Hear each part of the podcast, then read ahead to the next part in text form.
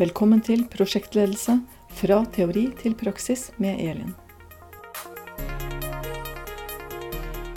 Denne episoden er for deg som ikke er Prins 2-sertifisert, som egentlig ikke verken har tid eller lyst til å bli det, men som kjenner på utfordringa med at veldig mange rundt deg er Prins 2-sertifisert, og det er en forventning i organisasjonen om at du skal kjenne til og kunne bruke metoden. Jeg har sertifisert mange hundre prosjektledere til Prins 2 Foundation og Prins 2 Practitioner. Det jeg ser, er at mange av de som har tatt sertifiseringene, de lærer seg nok til å klare eksamen, men de klarer ikke å bruke det.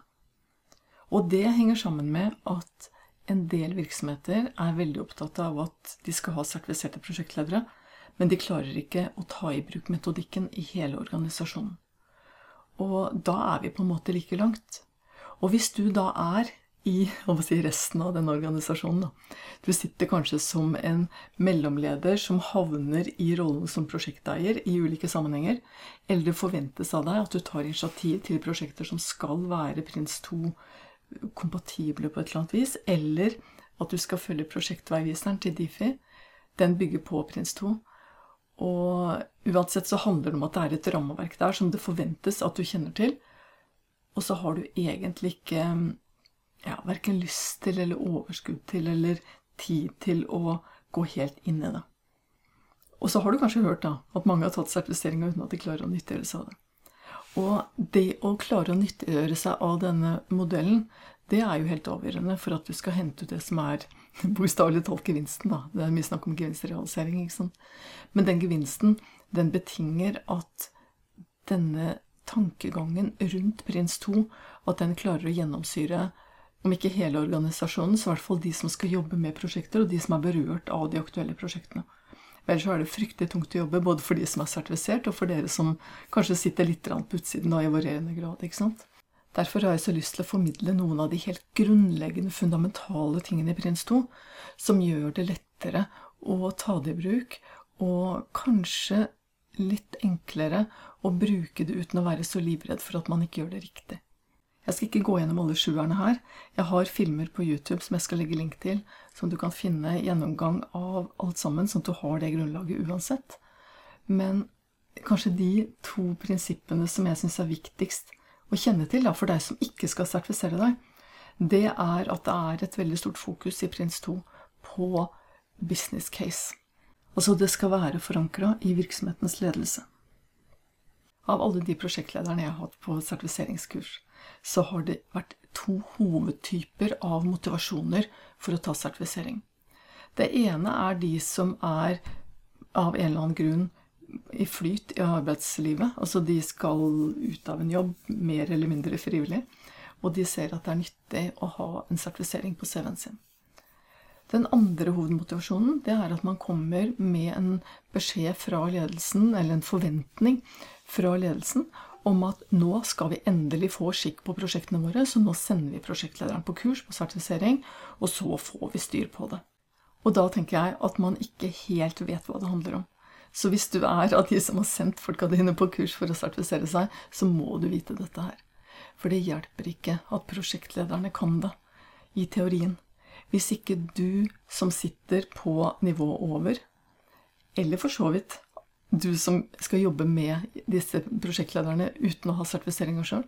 Hvis ikke dere rundt prosjektlederen kjenner til metodikken og kjenner premissene for at det skal lykkes, så kommer ikke de prosjektene til å bli gjennomført som Prins 2, og de kommer ikke til å lykkes på de parameterne man tenker seg. Da. For det som gjør at Prins 2 funker, det er at man fokuserer på business case, fokuserer på hva er det vi ønsker å oppnå, og du plasserer en ansvarlighet for det i ledelsen i virksomheten. På strategisk nivå, og på det nivået som blir delegert oppgaven å være prosjekteier. Altså representere businessen inn i styringsgruppa. Og da er det forutsetningen for at dere skal lykkes. Det er at dere kjenner til det, og at dere aksepterer de prinsippene som ligger i bunnen. Og det er egentlig Altså, hvis du ikke skal sertifisere deg, så tenker jeg det er to prinsipper du vil kjenne til. Og Det første er det med business case, altså det veldig intense fokuset på hvorfor gjør vi dette prosjektet, hva er det vi ønsker å oppnå, hvilken gevinst er det vi ønsker å få ut av det, altså hva er hele begrunnelsen for å sette det i gang. Og Det er det første prinsippet. Og det siste prinsippet det er å skreddersy det til prosjektets omgivelser. Og det, det er den tingen de har jobba mest med også nå i den boka som kom i 2017. Den tidligere manualen var i 2009. For man så jo at det ble vanskelig å lykkes med prosjektene og skreddersy dem godt nok til virksomheten. Og det var rett og slett fordi at ambisjonsnivået blir for høyt. altså Lista lå for høyt for å kunne klare å gjøre det. Man så for seg et vanvittig byråkratisk eh, apparat rundt hele mm, prosjektstrukturen, som skulle binde deg opp til at du måtte ha en, ja, en hel vanvittig mengde med, med managementprodukter for å kunne styre prosjektet. Og der har man en mye større grad av mulighet for å tilpasse det nå. Fordi det det handler om, det er at hvis strategisk nivå i virksomheten, altså uansett om det er privat eller offentlig, så handler det om at det ligger noen politiske føringer, da, helt overordna, som beslutter at ja, dette prosjektet skal vi gjennomføre. Her skal vi sette på penger og tid og ressurser og kompetanse og teknologi og alt som er nødvendig for at dette her skal være mulig å gjennomføre. Og Hvis ikke den forankringen er på plass, da vil prosjektet aldri ha prioritet nok til å få de ressursene det trenger for å gjennomføre. Så det gjør jo også at strategisk nivå og virksomhetsledelsen de må da faktisk klare å prioritere prosjektet høyt nok. Så hvis du da jobber på et eller annet nivå i organisasjonen og skal forholde deg til at et prosjekt skal kjøres som Prins 2, så er noe av det viktigste du får ta tak i, det er å finne ut av hva er business case? Hvilken prioritet har dette prosjektet? Og så i neste omgang hva er det vi skal levere? Og Prins 2 har et fokus på produkter, ikke på aktiviteter. Og produkter i denne sammenhengen her, det betyr altså hvilken funksjonalitet er det vi skal dekke? Hvordan skal dette virke? Hvem er det som skal bruke det, og hvordan skal de klare å få formidla behovet sitt inn til de som skal utvikle produktet? I Prins 2 setter du sammen en styringsgruppe som har tre hovedrepresentanter. Det er virksomhetens ledelse. Det er de som skal bruke denne løsningen, enten det er kunder eller interne brukere. Og så er det de som skal utvikle og lage denne løsningen. Enten det da er interne folk eller ekstern underleverandør. Så alle de tre må være til stede i prosessen videre for at du skal sikre deg at du både har folk og kompetanse og teknologi til å lage en løsning som brukerne kan nyttiggjøre seg av, og som treffer det behovet som er, og som virksomheten ser at er nyttig for at man skal oppnå de overordnede virksomhetsmålene med det prosjektet. Og så må man jo da eh, som virksomhetsledelse være tilgjengelig til å sette de rammene og gi det skal ikke si mandatet, fordi det er en av de sære tingene i Prins 2. Det er at eh, mandat ikke er det vi tenker på i vanlig prosjektsammenheng. Mandat er ikke fullmakten til prosjektledelsen.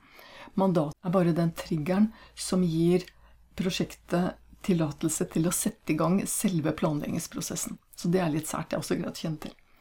Men ledelsen, virksomhetsledelsen og prosjektstyret skal sette de rammene som prosjektleder kan operere innenfor, uten å måtte fly på møter hele tiden. For det er kanskje den andre tingen som er greit å vite om. Prins 2 legger ikke opp til faste, regelmessige møter mellom prosjektledelse og styringsgruppa. De har prosessene sine, altså den prosessen som handler om at en oppgave er fullført, og en leveranse er klar, det som vi normalt sett ville tenkt på som en milepæl. Og så løfter man det opp da til en godkjenning i prosjektstyret. Og da får man gå til å gå inn på neste fase. Prosesser er noe annet enn prosjektfaser.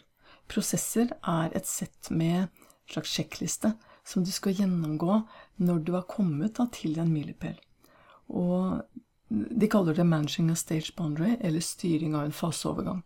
Og det er rett og slett den prosessen som skjer da når prosjektet har kommet til en milepæl og er klare til å få den godkjent for å få godkjenning til å gå videre i neste prosjektfase, altså på tidslinja, for å fullføre neste milepæl. På den måten går man videre på tidslinja helt til man er klar til å gå løs på den siste milepælen, altså den som er avslutningen av hele prosjektet. Får det godkjent, og da er prosjektet ferdig. Og da er prosjektleder ferdig med sitt ansvar. Og så er det opp til prosjektstyret, prosjekteier, å sørge for at organisasjonen er i stand til å ta imot og nyttiggjøre seg av denne leveransen Sånn at man kan hente ut den gevinsten da som lå opprinnelig motivert i business case og hele tanken bak å starte prosjektet. Så hvis jeg skal gi deg et siste tips for at du ikke skal føle deg fullstendig underlegen i en prins 2-terminologi som svirrer rundt i din virksomhet, spør om hva står det i business caset, hvem sitter i prosjektstyret, har vi sikra god nok representasjon av brukerne i prosjektstyret, har vi sikra gode nok prosesser for gjennomføringen av prosjektet, og vet vi hvordan vi skal hente ut gevinsten.